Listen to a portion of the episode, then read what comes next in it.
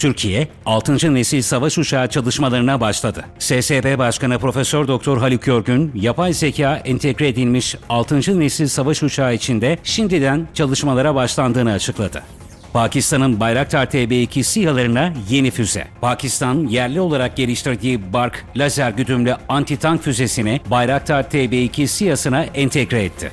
SSB heyeti Özbekistan'da. Türkiye-Özbekistan Savunma Sanayi İşbirliği ikinci toplantısı Özbekistan'ın başkenti Taşkent'te gerçekleştirildi. Aselsan ve Özbekistan Silahlı Kuvvetleri arasında ikili işbirliğinin derinleştirilmesi ve Özbekistan'a yetenek kazandırılmasına yönelik iyi niyet beyanı imzalandı.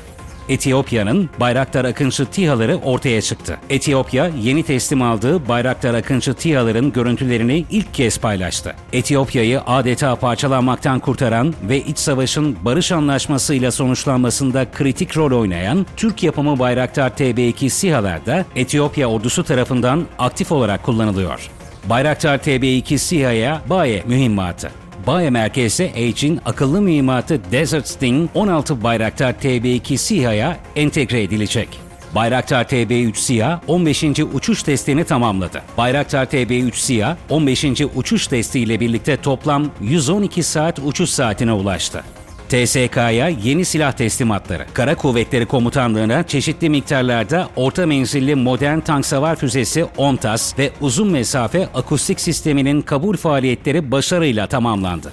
Akya, Atmaca ve Sapan için imzalar atıldı. Milli Ağır Torpido Akya, Milli Sehir Füzesi Atmaca ve Hava Savunma Atış Kontrol Sistemi Sapan'a ilişkin imza töreni SSB'de düzenlenen törenle icra edildi.